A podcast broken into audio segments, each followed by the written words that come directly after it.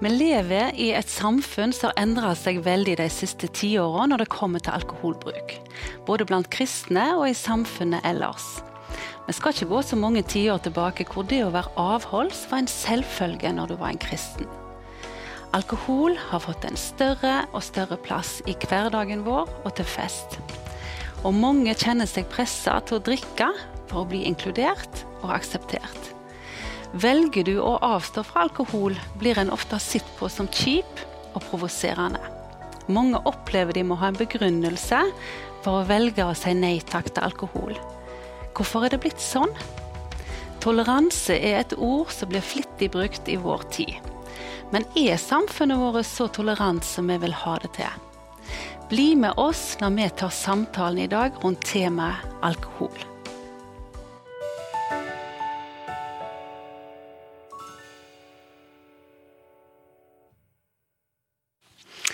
Velkommen til deg, Kjetil Fyllingen, som gjest i studio i dag. Hvem er du? Fortell litt om deg. Ja, sant. Eh, nei, jeg er en eh, godt voksen mann med ei kone, fire unger. Jobber i Tro og Media til vanlig. Eh, og har litt andre roller. Litt i Damaris Norge og litt ja, som en, en mediemann, kan man si. Ja. Er det noe spesielt du brenner for, siden du velger å bruke så mye tid i media? da? Mediemisjon er jo det som jeg jobber med mest. Eh, altså I Tro Media så er jeg leder for det som heter omgud.nett, som er nettevangeliseringsarbeidet vårt. Og Der prøver vi å føre folk eh, steg for steg fra ulike nettplattformer inn i en kristen forsamling. Det er målet. Så vi har ulike nettkurs, og vi har eh, Kanskje du har hørt Bibelen på podkast? Mm -hmm, det har jeg. Ja, Det anbefales jo til alle å få med seg den. Den kan en jo lytte til hver eneste dag, faktisk. Eh, så, ja, så det er mediemisjon som har vært det som jeg har fått lov til å jobbe med mest i det siste. Mm. Eh, jeg bor jo i samme lokalsamfunnet som deg, og lokalt så har du òg en podkast hvor du velger å framsnakke det som skjer lokalt. da. Veldig spennende og kjekt å følge deg, og jeg ser jo at det har åpna noen dører for deg inn til mennesker som du gjerne ikke hadde en relasjon med tidligere. Hvordan har det arbeidet vært? Jeg syns det er veldig spennende å få lov til å drive med, med podkast. Jeg, jeg gjør meg bedre på podkast enn på TV, sikkert. Eh, men eh, nei, det er en unik mulighet da, til å invitere folk inn eh, til en prat i et studio og bli litt kjent. Og få lov til å være med og heie på, på folk som står på. Folk som mm. brenner for noe. Altså, jeg syns vi heier for lite på hverandre kanskje sånn generelt. så da ønsker å bidra til en framsnakkingskultur og ja, litt sånn bulyst. Peke på alt det gode som skjer både på Stord og i Sunnhordland generelt. Så det masse kjekke folk som har vært innom i studio der. Er ikke så, ikke så fancy studio som her. jeg Jeg har jo fått æren av å være med inn i studioet ditt, så det har vært bra å være der. Eh, du og kona di Silje.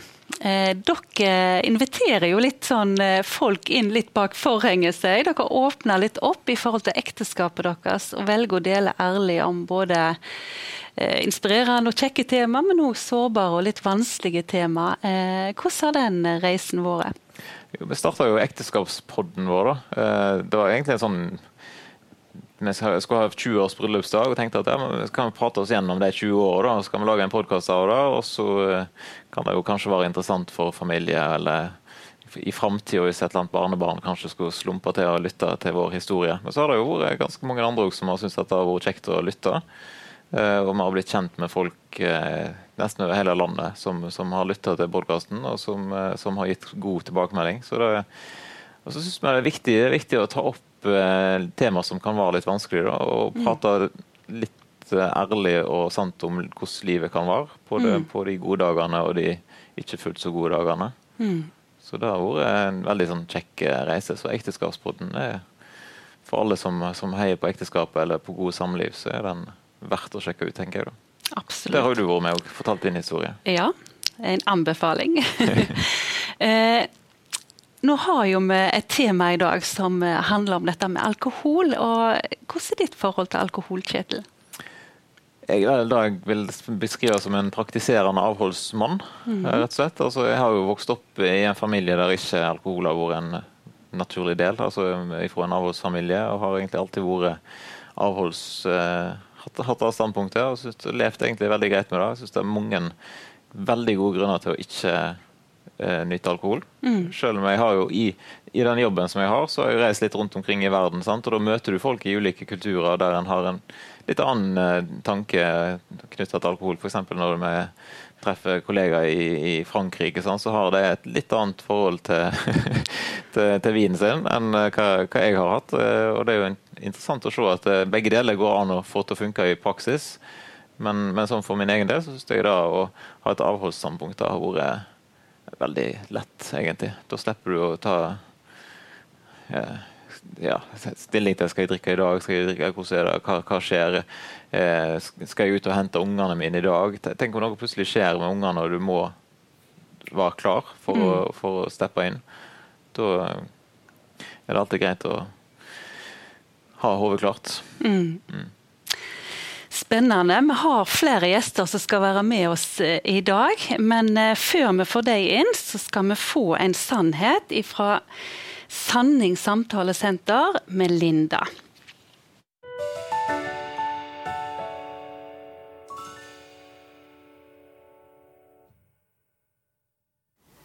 Alkoholbruk gir konsekvenser. Det er forskjellig syn og praksis når det gjelder alkohol. Og det er ingen tvil om at hvordan vi forholder oss til bruken av det, gir, har konsekvenser for vårt eget liv og de rundt oss. De valgene som vi tar, kan påføre andre mennesker problem. Og disse problemene de er ikke alltid synlige. Vi trenger å være varsomme når vi har med alkohol å gjøre, fordi det kan gjøre livet vanskelig for andre. Bibelen sier følgende i Galaterne 5. For dere ble kalt til frihet, brødre. La bare ikke friheten bli et påskudd for kjødet, men tjen hverandre i kjærlighet. Det er noe som du og jeg kan tenke på når vi skal gjøre våre valg rundt dette følsomme spørsmålet.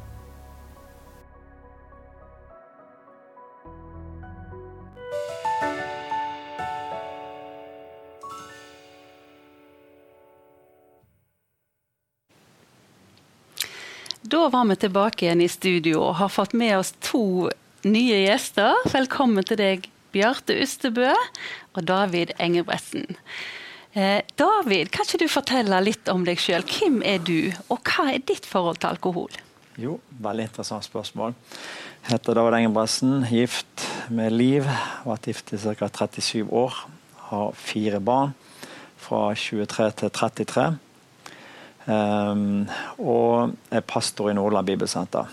Det er det som jeg driver med til dagen.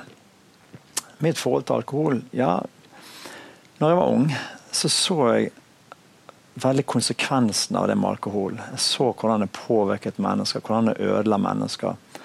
Og Den gangen jeg bestemte meg for det, for jeg tenkte liksom, hva er det som gjør at folk begynner å drikke? Hva er det som gjør at de havner der? Så så jeg at mange har gjerne ikke et sånt veldig bestemt forhold til alkohol, men de fleste havner der pga. tilfeldigheter, at de, ser, de følger andre, kanskje i familien eller kanskje venner. Og Da tenkte jeg at eh, det skal aldri skje at noen begynner å drikke fordi at jeg drikker. Mm. Jeg vil ikke ha det på meg at noen tenkte det at vel, David drikker, så jeg gjør det han gjør. Så Derfor så ble jeg veldig sånn bestemt på at jeg skal aldri røre alkohol.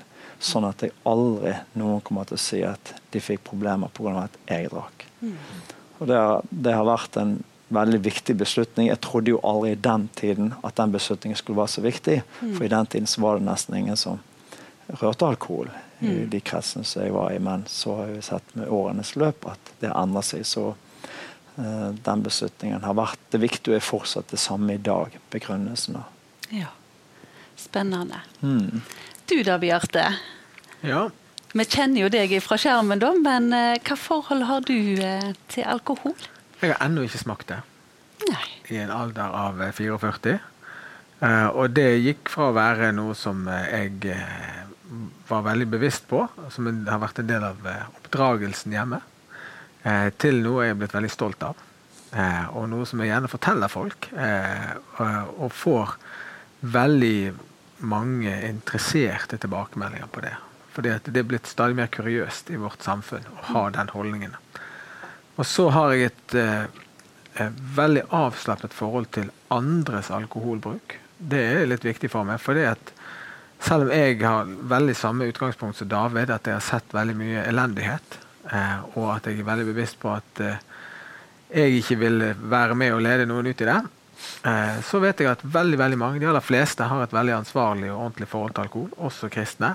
Og eh, tenker at vi som er fanatiske avholdsfolk, vi må også forstå og respektere de som ikke er det. Mm. Eh, men for min del så er det ligger det veldig dypt i meg. Og det har heller aldri vært noen fristelse. Har jo vært ute med kamerater, og jeg har vært i militæret. og sant, Hva gjorde man i helgen? Jo, jeg var jo var inn til Elverum. Eh, var på, i militæret i Finnskogen og ut på kveldene. og eh, Da skjer det som skjer med veldig mange avholdsfolk, og særlig kristne. Man får gode samtaler med folk når eh, de senker garden sin litt. Grann. Så, så har, har et avslappet forhold til å omgås folk som drikker, men er veldig, veldig klar for egen del mm. at jeg ikke gjør det. Spennende. Men du sa det ligger djupt i deg. Hvorfor, hvorfor ligger det djupt i deg? Det er fordi at uh, det var en, Særlig min far. Han, uh, han, døde i fjor høst. Han var en veldig markant person. Uh, offentlig og privat. Et stort forbilde. Og han hadde vokst opp i Ålvik i Hardanger. Og det var sånn arbeiderklassestrøk, eller ja, med industri. Og, og, det var liksom typisk et område der folk sleit med alkohol. Eh, og det er en av grunnene til at Arbeiderpartiet og KrF de gikk jo hånd i hånd i avholdssaken, edruskapssaken opp igjennom. Fordi at kristne hadde kanskje én tilnærming til det, men Arbeiderpartiet så jo hvilken skade dette gjorde i arbeiderbevegelsen, for så mange lå under for det. Så pappa hadde jo begge deler. Han var både arbeiderklasse og kristen. Eh, så han hadde på en måte to veldig sterke begrunnelser for å være avholds sjøl, og misjonerte det veldig frimodig til oss barn. Og hans motto det var alltid 'ta aldri det første glasset'. Så det har vi holdt oss til eh, i vår familie, eh, og eh, det har vært godt for oss. Og, så det ligger som sagt veldig dypt i meg.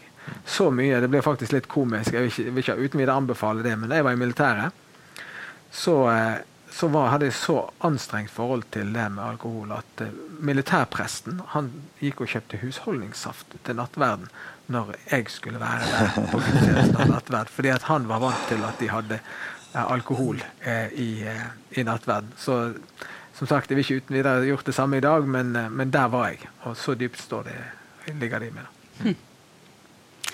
Ja, jeg har jo et litt annet forhold til alkohol. Jeg ble jo kristen i voksen alder, eh, som noen av dere vet. Eh, men jeg lå jo unna for alkohol, eh, og har nok misbrukt alkohol i mange år. Og brukt det av de feile grunnene, da. Eh, så jeg tenker jo at motivene for at vi drikker, har mye å bety. Eh, så det der å liksom reflektere litt over hvorfor velger jeg å gjøre det jeg gjør? Eh, og For meg så handler det jo om å drikke seg til selvtillit, eh, det å passe inn, det å følge strømmen, det å våge ting en vanligvis ikke vågte, det å glemme.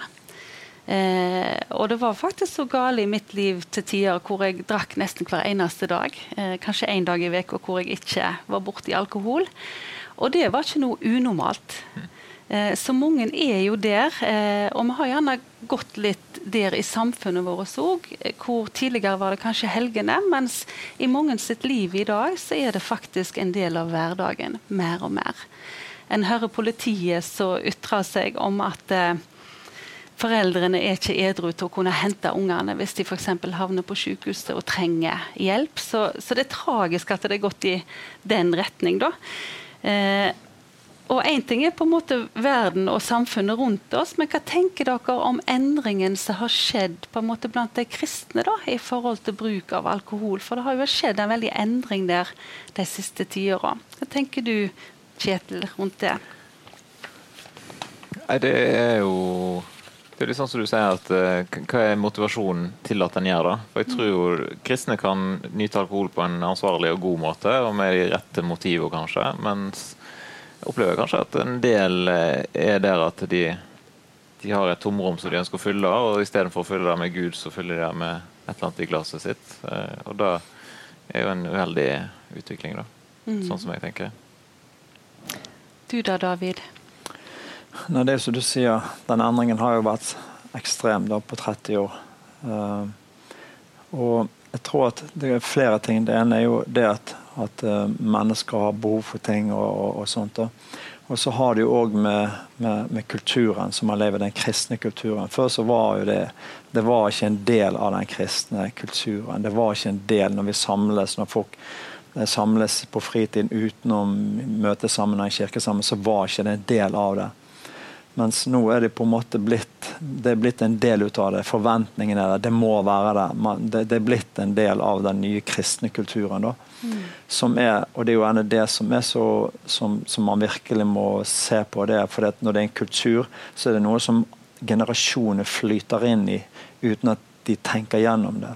Det er ikke mange ungdommer som tenker gjennom skal jeg drikke eller skal jeg ikke drikke. For en kultur den påvirker oss alle. Mm. Og Derfor så tror jeg at det rett og slett bare blitt sånn at det, det er ikke så mange som tenker over det. Det er Når de kommer der, og det er alkohol, og alle de andre drikker, sant, så, er det, så er det vanskelig å liksom Da må du jo ha en spesiell tanke for å ikke gjøre det. sånn. Så den kulturen er jo noe som jeg tenker at det, det er viktig at man tør å se på. Mm. Uh, ja. Men Går ikke det også et skille i Kristen-Norge her, eh, David? Eh, altså jeg vet at du som pastor har liksom mm. hatt dette som en hjertesak. Mm. Noen menigheter der de ikke vil snakke om det ja. eh, fordi at det, det, berører så mange, og noen som er veldig tydelige på at de har en linje de ønsker å følge. ikke det sånn? Jo, jo, og dette her er veldig, det, det er så interessant at det er veldig skiller for menighet fra menighet.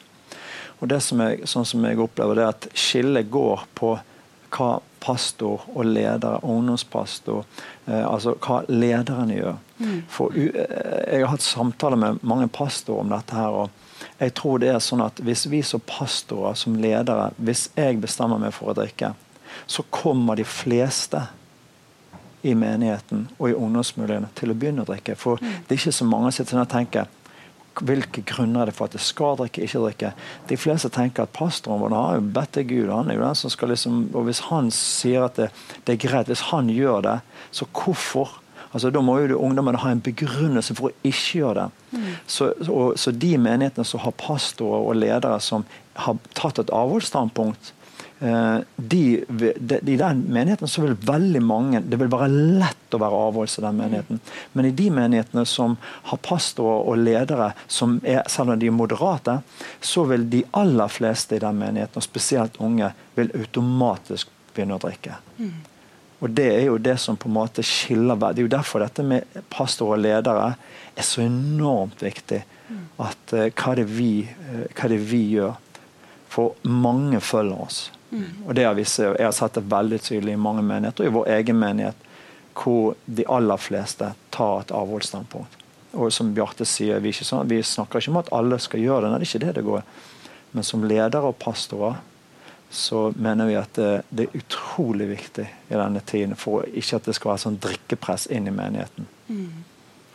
Før så ble jo menighetene regnes som trygge. Da det kom mennesker der som gjerne kom eller ble frelst ut ifra et liv hvor en lå under for rus. Eh, mens nå ser vi jo at mange menigheter er ikke trygge plasser lenger. Hva tenker du om det, Kjetil?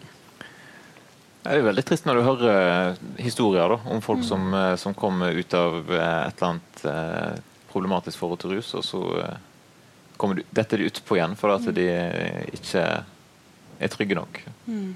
Så der har vi et ansvar, tenker jeg. da, At uh, en må ha forsamlinger som, som, som, er tydelige, og som kan være en, en trygg havn. Mm. Her, her, ligger også litt av det som er begrunnelsen for veldig mange kristne. Dette, at man skal ikke føre sin bror til fall. Mm. Mm. Eh, og at eh, man kan gjøre det uten å ha onde hensikter, og uten at det isolert sett er en syndig handling. Så kan det som er du tåler godt, det kan føre til problemer for andre. Så Når jeg snakker med andre kristne som har samme holdning, så er det jo gjerne der vi finner det. da, At, eh, at eh, vi er redd for at sånn som du sier at det begynner med her, at det at jeg drikker, skal føre til at noen andre gjør det. Og så vet vi at en stor prosent av de som drikker, de får problemer med det. Mm. Minst 10 mm. eh, problemer i en eller annen grad. Det betyr ikke at de havner på kjøret, men at de kan få rett og slett problemer med å mestre det. Med så høy risiko 10% det er forferdelig høyt. Se for seg at man skulle lede noen ut i det. Det burde være noe å tenke over for alle. Mm. Før så tenkte jeg, nok, tenkte jeg, nok, gjerne om alkohol at det var synd. Eh, og jeg tenker nok at den eh, tanken har gjerne mange endra seg på i vår tid. Eh, og argumentasjonen med at Jesus gjorde vann om til vin, blir jo flittig brukt. Eh, hva tenker dere i forhold til Guds ord eh, når det gjelder alkohol, eh, og de tingene som står da, i Guds ord rundt alkoholbruk? David? Eh, altså Det står jo flere ting. Sant? Det ene er jo det som står at Jesus gjorde vann til vin.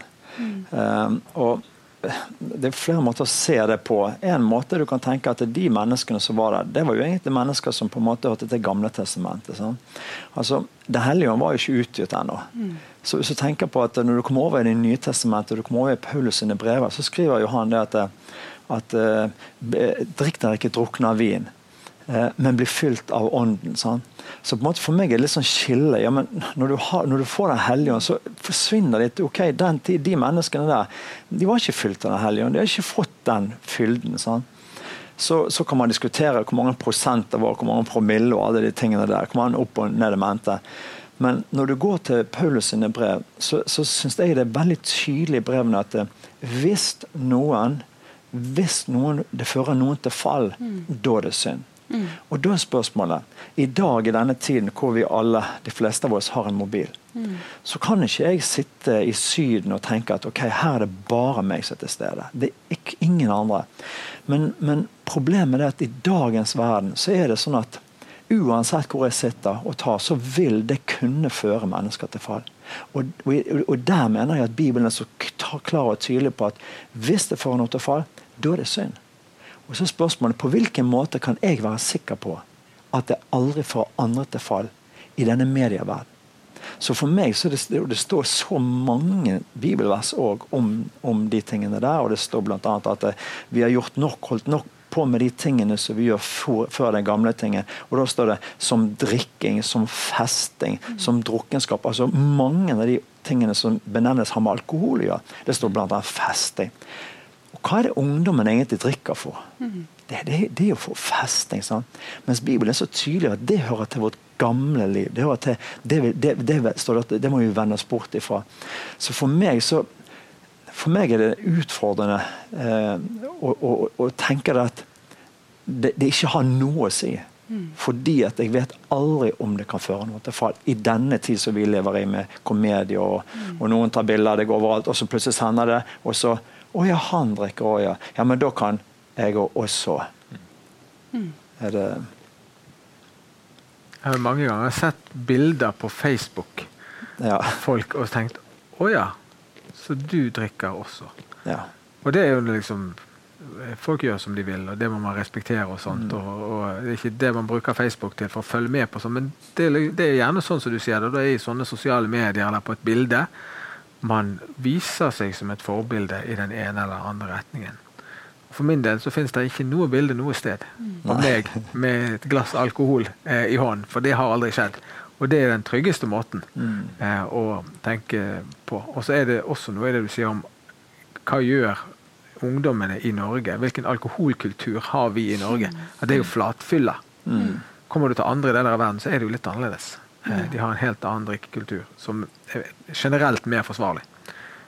Like stor risiko for folk, men likevel, da. I Norge så er det jo gått litt så, særlig menigheten gått fra å være litt sånn liberalt syn på alkohol noen steder, til at det, eh, det er både menighetsliv og festing i uskjønn forening. Og da, da er du i hvert fall i strid med Guds ord. Altså det drukkenskap det advarer Bibelen om mange steder. Mm. Både i Det gamle og i Det nye testamentet. Så det mm. kan det liksom ikke. En kristen skal ikke være full. Det tror jeg vi må kunne samle oss om. Mm. Men Det som er litt interessant med det som du sier, at jeg, prater om det, at jeg så en undersøkelse som virkelig sjokkerte meg. Og jeg, jeg, tror at vi nå begynner å se frukten ut av at det har vært en liberalitet i kanskje 30 år, kanskje mer det. I Amerika er det ofte et land som går liksom foran oss med mange ting, både positivt og negativt. Jeg leste en undersøkelse blant evangeliske pastorer. og Da snakker ikke vi om pastorer som drakk alkohol, men om alle evangeliske pastorer. Så har de hatt en undersøkelse om alkohol. Og Der, der betror to av fem evangeliske pastorer i Amerika betror seg nå at de sliter med alkohol. Og, og, og, du kan si sånn, det, det, er så, det, det, er nesten så man tror ikke at det er sant. Og så sier man at det, det er ikke farlig, det, går greit. sant, men eh, og Det er så mange historier om pastorer, kjente pastorer i Amerika som har bygd opp svære menigheter, og som i dag er ute av jobb. De har ikke ut måte ute av menigheten. Og Jeg så en som har bygd opp en menighet på 8000 medlemmer og, og måtte gå fra menigheten pga. at han ble alkoholiker. Og så så jeg at han skrev at i dag feirer jeg at jeg har vært 280 dager uten alkohol. Og da tenker jeg her er det en mann som Gud har brukt, reist opp det verket, men som på en måte så nesten på alkohol som sin venn.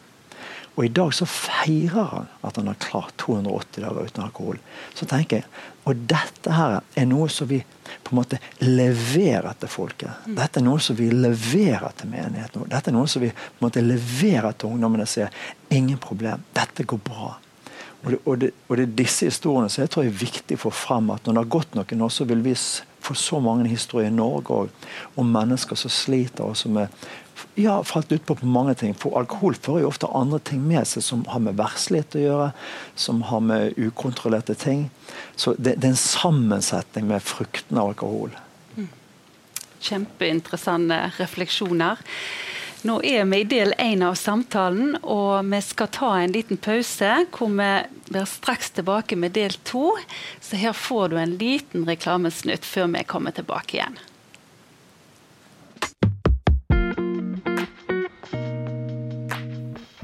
Takk for at du ser på programmet vårt. Og hvis du liker det vi gjør, så vil vi invitere deg til å være med og støtte oss. For vi kan bare gjøre dette så lenge seerne holder oss på luften. Så send gjerne din gave på VIPS 76 38 05. Så er du med på og hjelper oss til å gjøre disse programmene, men òg å skape nye. Så takk for din støtte på VIPS 76 38 05. Gud velsigne deg.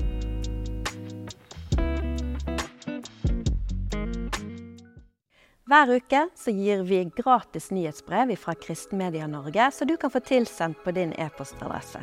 Der kan du få lese ukens kommentar, du kan få se hva som skal være tema i samtalen, og du får vite hvem som er gjest i Live med venner før alle andre. Og har vi noe nytt på gang, så kan du lese det der. Gå inn på kristenmedia.no og registrer deg, så får du nyhetsbrevet gratis hver uke.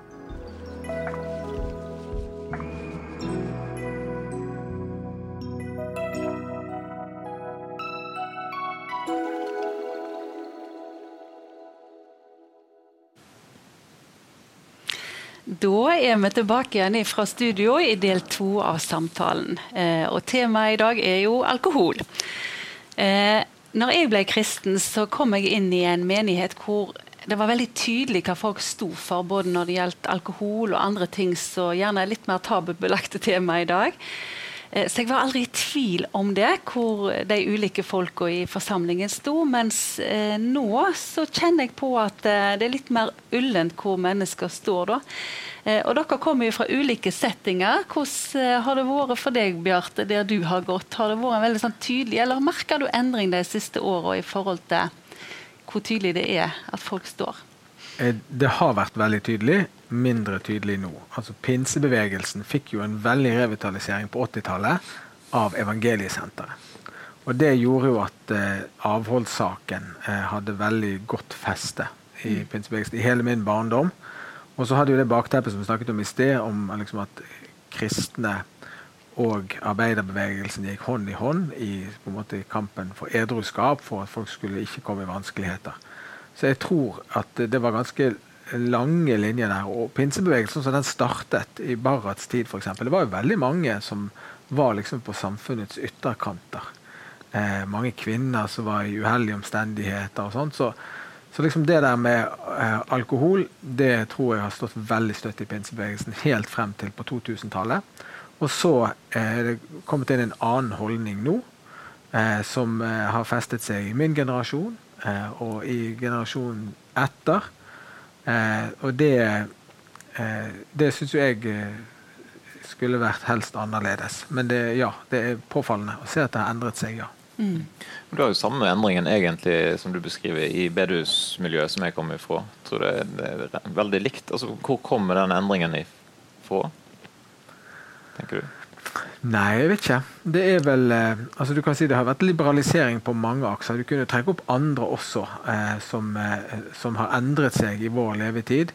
Kanskje vi er blitt litt mer internasjonale, litt mer mobile. Folk kommer fra bygden og, og flytter til byen, og du har litt sånn urbane menigheter som kanskje setter en trend. Det er jo det vi ser kanskje dette har du bedre greie på enn meg, David, men at storbymenighetene, de unge, trendy menighetene, der er avholdsstandpunktet det er nokså fremmed.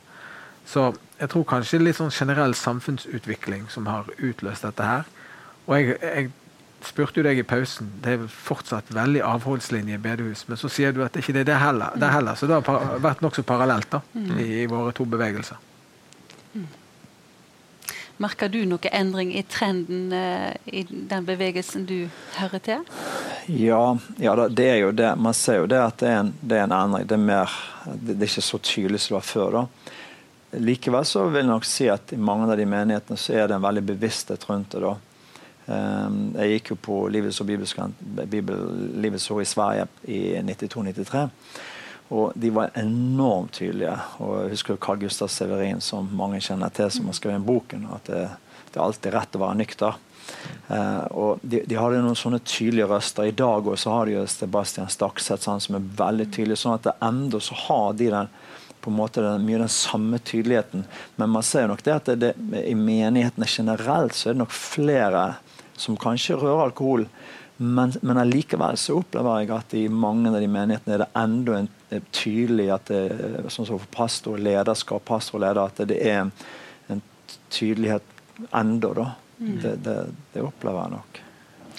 Så vet jeg jo at det er mange som har det som en evangeliseringsstrategi at de velger å nytte alkohol og har den begrunnelsen at da skaper de relasjoner, da bygger de relasjoner. Vi ser enkelte faktisk legge møtene sine til puben, da. Hva tenker dere om denne strategien? Bjarte? Eh, det høres veldig fremmed ut for meg. Men vi ser stykkevis og delt. Jeg vil ikke sitte her på dette TV-programmet og si at det der er feil. Men for meg høres det veldig fremmed ut. Ref alt det jeg og dere andre har sagt i dag. Eh, så uansett, det å bli beruset eller bli full, det syns jeg er helt uforenlig med å både være en kristen og skulle være ute og evangelisere. Det å gå på en pub og møte andre som drikker og fortelle om Jesus, det har jeg jo gjort mye sjøl. Mm. Eh, I ungdomstiden og sånt. Så det var jo gjerne der man eh, gjorde det. Så, men eh, eh jeg er sånn i utgangspunktet nokså skeptisk til det der. Mm. Hva tenker du om det, Kjetil? Jeg føler er jo noe om å være jøde for jøde og greker for greker. Og, og er ganske åpen for å bruke ulike tilnærminger til eh, ja, det å spre evangeliet. da. Så, så er jo på linje med Bjarte her at vi skal ikke sitte her og si at det blir alltid feil. Men eh, jeg tror du kan bygge gode relasjoner i edru tilstand òg. Eh, eller uten å ha noe sterkt i glasset. Så men dette med å legge, legge gudstjeneste til pub, syns jeg det er jo en litt så spennende tanke. da. Altså, Jeg tror jo folk eh, opplever at terskelen er lavere der å komme inn. Men at du kan jo kanskje kjøre gudstjeneste uten at det nødvendigvis eh, serveres alkohol samtidig. kanskje. Mm. Mm. Jeg så jo Imi kirka hadde nylig eh, salmer på pub. Eh, og tanken deres var jo helt klart tydelig visjon om å på en måte nå et publikum som de gjerne ikke nådde i menigheten. Og jeg tenker jo iallfall sjøl at skal en ha en sånn type eh, framtoning da, eller tilnærming, så er det jo kjempeviktig å være tydelig med hva en vil eh, og ha regien. eh, og ikke minst at det er mennesker som klarer å stå i det. Eh, jeg vet iallfall for meg sjøl, når jeg ble en kristen, så gikk det lang tid før jeg i det hele tatt kjente meg trygg nok til å være på en fest hvor det var alkohol. Eh, rett og slett sterk nok. Og når jeg valgte å gjøre det, så var det viktig for meg at det var mennesker som var i forbønn for meg mens jeg var på den festen. Så det er noe med å være sterk nok, at, du, at du blir den som influerer, og ikke motsatt. Og jeg har dessverre hatt en del samtaler hvor mennesker har gått inn med den tanken at de skulle påvirke, og så har det blitt motsatt. Eh, så jeg tenker i hvert fall Skal en ha den tilnærmingen, så er det kjempeviktig at en har en klar tanke med hvor en vil, og at en er i førersetet. Eh, men så tenker jeg jo òg dette med alkoholbruk. Eh, det gjør jo noe med frimodigheten vår, gjør det ikke det? David?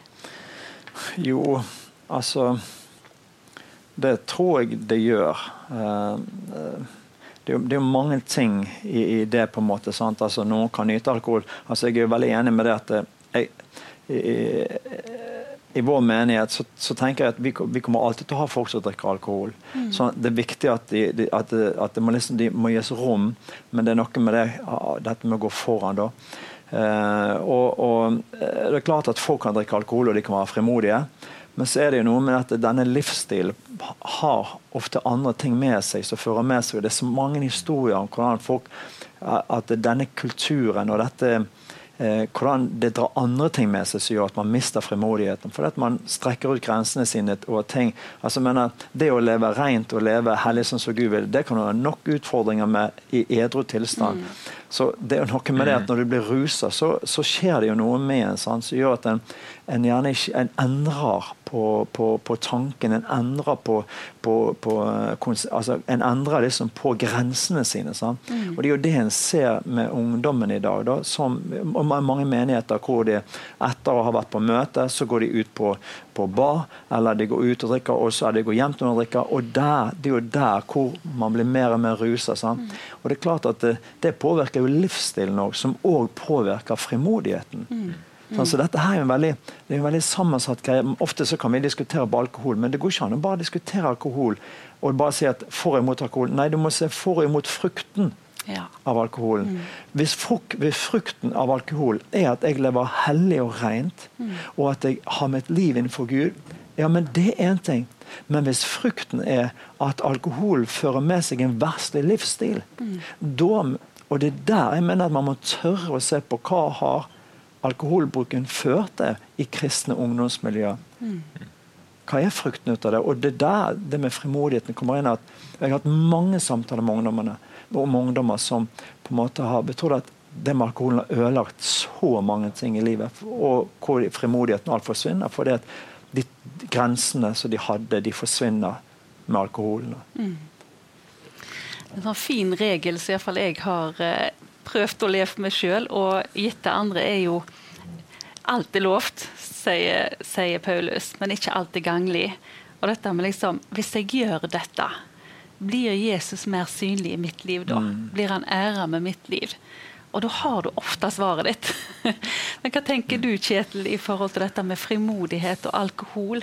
Vi ser jo at færre og færre gjerne ønsker å stille seg fram. Tror du at alkohol kan være en faktor der, til at en ikke har frimodighet til å gå inn i tjeneste? det er vanskelig å bli synsing, tenker jeg da. Men uh, det, det, som jeg kunne tenke å spørre litt om, eller snakke litt om, er jo dette med, med helse. Altså, mm. for at nå uh, er jo første gangen de norske helsemyndighetene har kommet med kostholdsråd der de sier at nå må vi kutte alkohol, eller null alkohol er det som er anbefalt for myndighetene. Uh, og jeg leste på NRK hadde en sak om at Vinmonopolet ser at alkoholfritt øker Altså salget av alkoholfritt øker veldig. Så er, Kan det være at det er en trend som holder på å snu? At pendelen har på gått og den er på vei tilbake igjen? Eller er det bare ønsketenkning? Kanskje litt tidlig å si, men hvis de selger mer alkoholfritt på Vinmonopolet, så er jo det selvfølgelig en tidlig indikator på at noe kan være på gang. Og når myndighetene anbefaler eh, å ikke drikke, så tror jeg det har en effekt. Alle sånne normgivende eller stigmatiserende kampanjer fra det offentlige har en tendens til å funke. Bare se på røyking, f.eks. Mm. Så det tror jeg, og det synes jeg var veldig utelukkende positivt. Realiteten med alkohol, hvis du tar et helt sånn teoretisk eksempel, det fantes ingen alkohol. Så fant noen opp alkohol og ville introdusere det i samfunnet. Det hadde jo blitt forbudt. Mm. Det er ingen som ville ha en sånn, eh, sånn eh, styrke og kraft mm. inn i samfunnet som kan ødelegge livet til folk, eller som kan gjøre, de, eh, gjøre, at de gjør ting de ellers ikke ville gjort, eller mister kontrollen. Sånn at uansett hva forhold man har til alkohol, så, så er det å leke med ilden og Jeg sier ikke det fordi eh, jeg tror at ikke folk vet det, men det er veldig nyttig å minne seg om det. da. at uh, du vet ikke hvilke disposisjoner du sjøl har til å kunne få problemer, eller dine barn. Én av ti. Jeg vil ikke gamblet med, med det at, at, det er 10% sjanse for at noen av mine skulle få et problem med alkohol. Eh, så det er i hvert fall noe som jeg tror eh, vi kan være frimodige på, vi som er avholdsfolk. Og så eh, håper jo jeg at det kommer en sånn trend eh, som det kan være snakk om her, der mange velger å la det være. For det er Sykehusene våre er fulle av folk med alkoholrelaterte skader og lidelser. Og mange sliter med det, både de som vi ser i rennestein, og de som uh, ikke klarer å holde jobben sin eller komme seg på jobb eller gjøre en skikkelig jobb. Så det er veldig mange gode grunner til å holde seg unna. Jeg holder meg til pappa sitt råd. Ta ikke det mm. første glasset. Det er for seint for deg, Ingrid. Ja. jeg har allerede tatt det, og vel så det. Eh, jeg må jo si jeg syns òg eh, at jeg ser en trend Jeg eh, vet ikke om dere har hørt om den der hvite måneden som de av og til anbefaler da, med å kutte alkohol i én måned. Og mange har jo blitt veldig overraska over hvor vanskelig det faktisk er. Eh, ei som jeg har fulgt litt på Instagram, så jeg liker godt musikken til Maria Mena. Eh, men jeg kjente jeg fikk en sånn sorg for at det var alltid alkohol med i de fleste av postene. Og jeg tenker Hun er et så godt forbilde, et viktig forbilde, og da det, har det så enorme ringvirkninger av det vi gjør. Men så la jeg merke til nå de siste tre-fire månedene at det har vært ingen alkohol med på bildene. da, Og så gikk hun ut eh, offentlig og sa at hun faktisk har valgt å bli avholds. Eh, og ta et helt tydelig standpunkt. For hun skulle egentlig bare ha en liten periode hvor hun kutta ut alkohol og merka sjøl hvor avhengig hun faktisk var, eller hvor destruktivt det var i livet hennes da. Og jeg tenker, yes, Sånne røster vil jo påvirke at kanskje andre reflekterer over det og prøver det i egne liv. Er jeg mer bonden enn jeg er klar over? For Jesus vil jo ikke at vi skal være bonden av noen ting. Det er jo gjerne egentlig hovedmålet hans med på en måte råd og han gir, og disse forbudene på en måte som eh, vi bør leve etter, er jo for vår velsignelse. Han vil ikke vi skal ligge unna for noe. Og det var jo det jeg i hvert fall endte opp med å gjøre. At alkoholen og røyken styrte mer mitt liv enn jeg gjorde sjøl.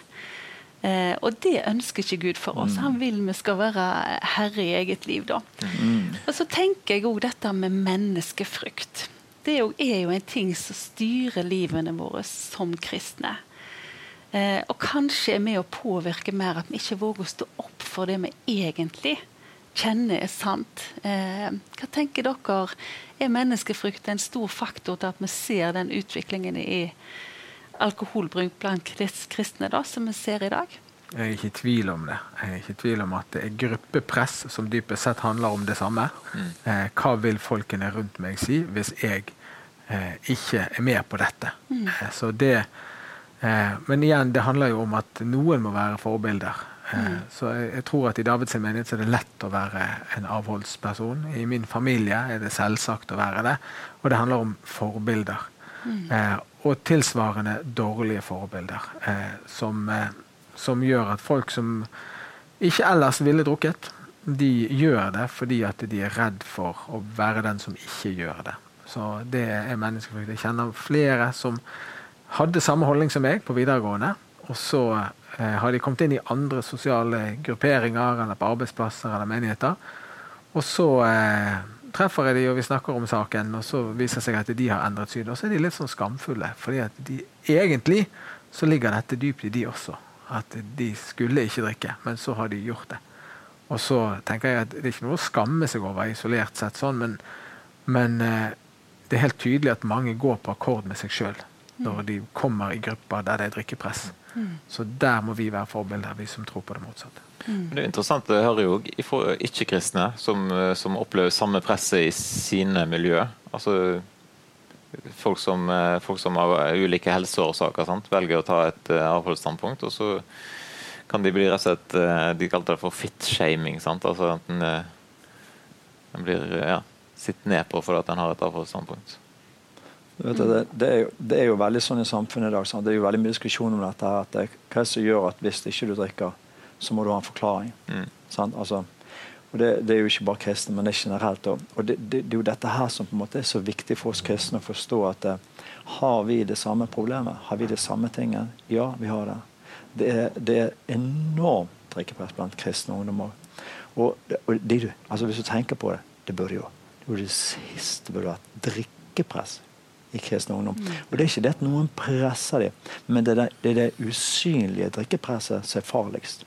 Det er det drikkepresset hvor ingen sier noe. Men vi hadde en i vår menighet som var en annen menighet, og så skulle de et selskap sånn 30-årsdag eller 40-årsdag. Og så kom hun der, og det var jo bare kristne der fra menigheten der. Men det var det sånn at hun drakk ikke, og de liksom Å ja, hva gjør vi da, liksom? Jeg får finne noe juice til deg, da. Det er usynlig drikkepress. Mm. Og når kristne menigheter, når, når vi har det i, blant kristne, det er enormt alvorlig. Én ting er at vi har det i samfunnet generelt. Mm. Men, og det er jo dette her som vi må tørre å se på som pastorer, som ledere, som menighet. Vi må tørre å se Er menighetene våre en plass hvor det er lett å komme om du har problemer selv, eller du har noe i familie, eller du ikke ønsker, er det lett å være der? Eller er det like vanskelig der som på en fadderuke, f.eks.? Jeg har mm. nettopp snakket med ungdommene hjemme hos oss som nettopp har vært på fadderuke. De kommer ut, Det første som skjer på fadderuken, det er drikkeleken. Mm. Det første som skjer. Mm. Og det er liksom, det, altså Hvilket press de blir satt under. For Jeg syns så synd på ungdommene som vokser opp i dette. Og når de da ikke har ledere over seg som er tydelige og sier Vet du hva, jeg følger meg. Mm. Så det, det, det, det, er enormt press i samfunnet og dessverre mange kristne mm. plasser. Ja, det er mange kristne menigheter. da.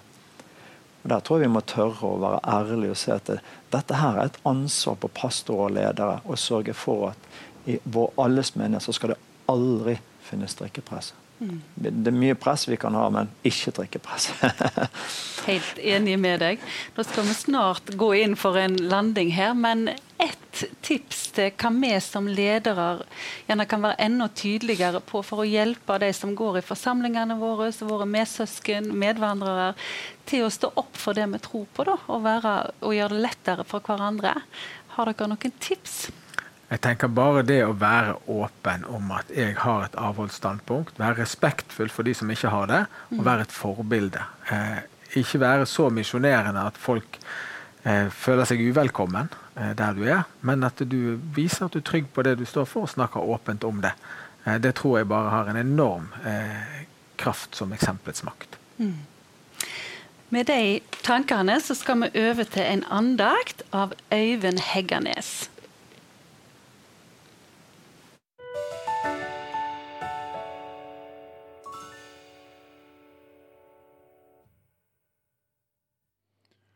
Ok, jeg skal få en andakt for dere om uh, alkohol. Det er uh, litt sånn uh, kjekt tema å snakke om, fordi det er et, et, viktig tema i kristne kretser.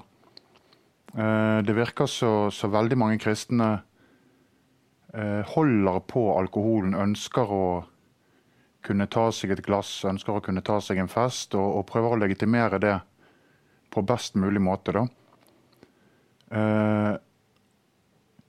Og jeg tenker at uh, uh, Bibelen er ikke en totalavholdsbok. Du ser uh, drikking av vin i Bibelen og disse tingene. Allikevel så tror jeg det er ganske viktig for oss kristne på denne tid å være totalavholdende fra alkohol. Jeg tror uh, pga. det vi ser i, i verden, og pga. den holdningen mennesker har til alkohol, pga. alle de de utskeielsene, all den volden, voldtekter og, og, negative ting som skjer ved bruk av alkohol, så tror jeg det vil være naturlig for oss kristne å holde oss unna det. I Efeserne 5,18 så står det 'drikk dere ikke fulle på vin'. Det fører til utskeielser. Bli heller fylt av Ånden. Og, og, jeg tenker det er et bra vers, fordi at vi kristne vi, vi trenger ikke jage etter substitutter, etter erstatninger for å, for å få bra humør, for å få, få et ekstra giv. Vi har, vi har Den hellige ånd. Når vi, eh, når vi, lærer å bli kjent med han, når vi lærer å forstå hvem Den hellige ånd er, så vil han fylle oss på en måte så, så ingen rus og ingen, ingen, andre ting vil kunne fylle oss. Den, eh, den fylden og den forståelsen vi får av Den hellige ånd, den slår alt annet. Vi har eh, eh, Jeg får lov til å være med på et arbeid i, eh, i menighetssetting som går litt inn i rusmiljøet i Bergen. Og, og, vi får se litt effekten av hva alkohol og, og, narkotika for den saks skyld har gjort med mennesker. Vi får lov til å se hvor mange liv som har blitt ødelagt, hvor mange ekteskap, forhold, familieforhold som har blitt ødelagt av alkohol. Så for meg er det overraskende at uh, kristne holder på alkoholen. For meg så er det, er det veldig vanskelig å forstå at, uh, at, kristne ønsker mer å leve for seg sjøl enn de ønsker å leve for andre. For én ting er hva jeg tåler, én ting er om, om jeg tåler et glass, om jeg uh, tåler å ta meg litt alkohol. En annen ting er hvordan det ser ut for andre mennesker. Vi skal være et vitnesbyrd med livene våre. Folk, uh, folk leser livene våre som en åpen bok. Og, og, den største forkynnelsen vi kristne har, det er ikke tingene vi sier, det er tingene vi gjør, og livet vi lever. Så om du har noe i livet ditt som du skal anbefale andre å ikke ha i livet sitt, så blir du per definisjon sett på som en hykler av andre mennesker. Fordi at da gjør du noe og sier noe annet. Istedenfor så har vi en mulighet til å faktisk legge fra oss noe som egentlig ikke er så viktig, for å ære Gud med livene våre på den måten òg. Jeg, eh, jeg, tror vi skal ha større fokus på andre sine behov enn våre behov. Jeg tror vi skal være verdens lys i, i de settingene der òg. Jesus sier når han sier at vi er verdens lys, han sier vi er, vi er jordens salt. Og det skal ikke miste sin kraft. Han sier vi er verdens lys, og vi er kalt til å lyse opp veien for andre mennesker. Til å skinne for dem og til å la de få lov til å se Han. Hvis vi lever annerledes liv, så vil mennesker legge merke til det. Hvis vi legger ned livene våre, hvis vi legger fra oss de tingene som kanskje vi har litt lyst til, fordi at vi ser at andre mennesker kan ha godt av at vi legger det fra oss, så ærer vi Gud med livene våre. Alkohol er utrolig lite viktig når alt kommer til alt. Det viktige for, for, min del, det viktige for deres del, det bør være sjelers frelse. Det bør være at mennesker kan komme til Jesus, og at de kan kjenne at det er trygt å komme til Jesus. Jeg, eh, jeg møter mange mennesker som har alkoholproblemer, som ønsker å komme inn i menigheter. Og jeg har dessverre flere menigheter jeg ikke kan anbefale dem, fordi at jeg vet at der blir det drukket alkohol, og, og der er de veldig liberale i forhold til alkohol. Så om du er i en sånn menighet, om du, om du er en person som liksom liker å ha litt alkohol, liker å ha deg et glass vin, tenk på om du kanskje kan legge det vekk til ære for Jesus. Tenk på om du kanskje kan ligge vekk en liten del så, så kanskje du har lyst til, så mennesker kan få lov til å møte Jesus istedenfor. Tenk på om, eh, om du kan ære han med den delen av livet ditt òg. Gud velsigne dere.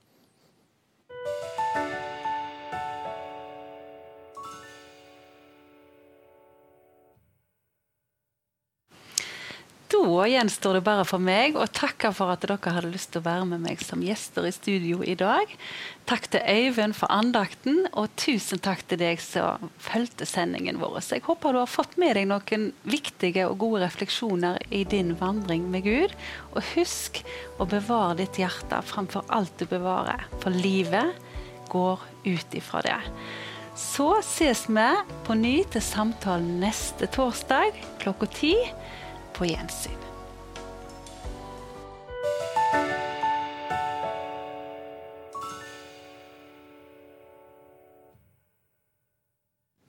Noen ganger handler samtalen om ting som kommer nært inn på livet, og som kanskje berører deg og ditt liv.